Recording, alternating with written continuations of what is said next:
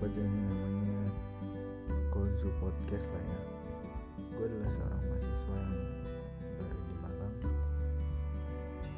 Yang gue aslinya bukan Malang tapi gue kuliah di Malang. Di salah satu universitas yang pastinya bukan UPI gue jurusan manajemen di semester 6 sekarang. Udah gitu aja selamat dari proses gue